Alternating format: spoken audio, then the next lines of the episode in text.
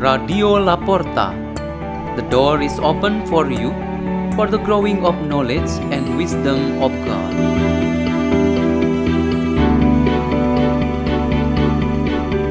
Delivered by Sarah Angelique and Andi Situmorang from St. Peter's School in Jakarta, Indonesia.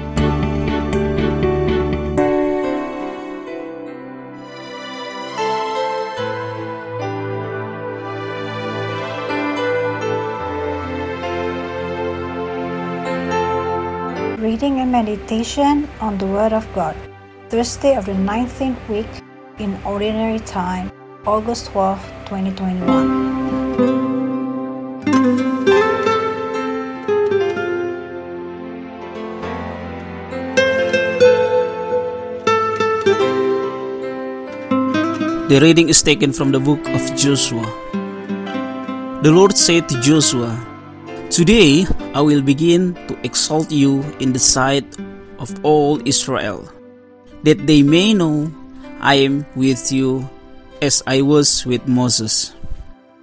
Now command the priests carrying the ark of the covenant to come to a halt in Jordan when you reach the edge of the waters. So Joshua said to the children of Israel, Come here and listen to the word of the Lord your God. This is how you will know that there is a living God in your midst, who at your approach will dispose the Canaanites. The ark of the covenant of the Lord of the whole earth will precede you into the Jordan. When the soles of the feet of the priests carrying the ark of the Lord, the Lord of the whole earth, touch the water of Jordan, it will cease to flow. For the water flowing down from upstream will halt in a solid bank. The people struck their tents to the cross to the Jordan, with the priests carrying the ark of the covenant ahead of them. No sooner had these priests bearers of the ark wade into the waters at the edge of the Jordan, which overflow all the banks during the entire season of the harvest. Then the waters flowing from upstream halt, backing up in a solid mass for every great distance in depth. From Adam, a city in the direction of Jerusalem. While those flowing downstream toward the salt sea of the Araba disappeared entirely. Thus the people crossed over opposite Jericho. While all Israel crossed over dry ground, the priests carrying the ark of the covenant of the Lord remained motionless on dry ground in the bed of Jordan until the whole nation had completed the passage. The word of the Lord.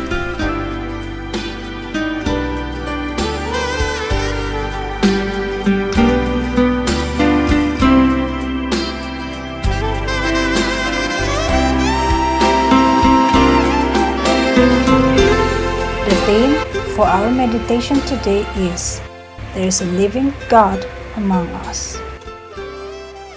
Every day we receive news about situation of our country and the world in general which has been hit by the COVID-19 outbreak.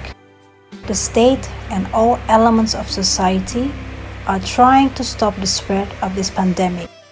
Meanwhile, medicine to kill this virus has not yet been found.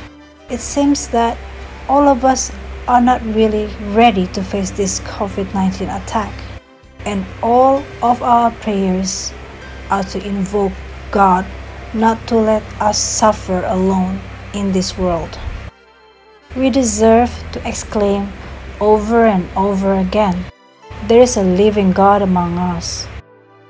God leads and accompanies our lives as citizens in our own country and as the believers. In the past, Joshua and the Israelites had expressed the same thing, namely the belief that there was a living God in the midst of his people. Moses had already died. Joshua was very young and was entrusted with all power to leading the people to the promised land. It was God who gave him strength, guidance, and strong faith so that he was able to take the duty of leadership, to truly believe that God was with them. The presence of God really gives meaning that determines the direction of our lives. The very first meaning is that He forms us as a community of human beings by uniting us from all differences. Besides, the community also respects the characteristics of differences that exist and to be regarded as richness of living in common.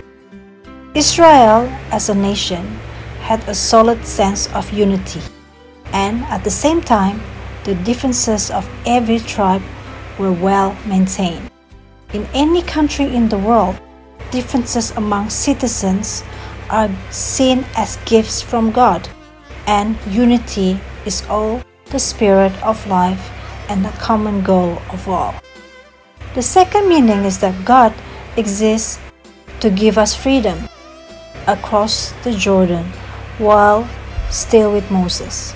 The Israelites had experienced many temptations that threatened their loyalty and obedience to God. When came a new era and born a new leader, and after crossing the Jordan, they would experience a liberation. They were on their way to their destination.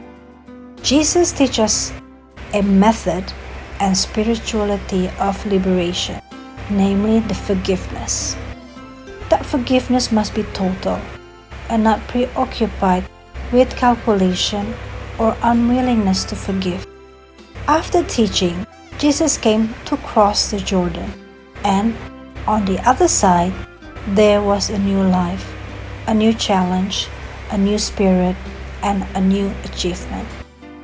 Every nation in the world today strives for true freedom, where they can be freed from all hardships and suffering.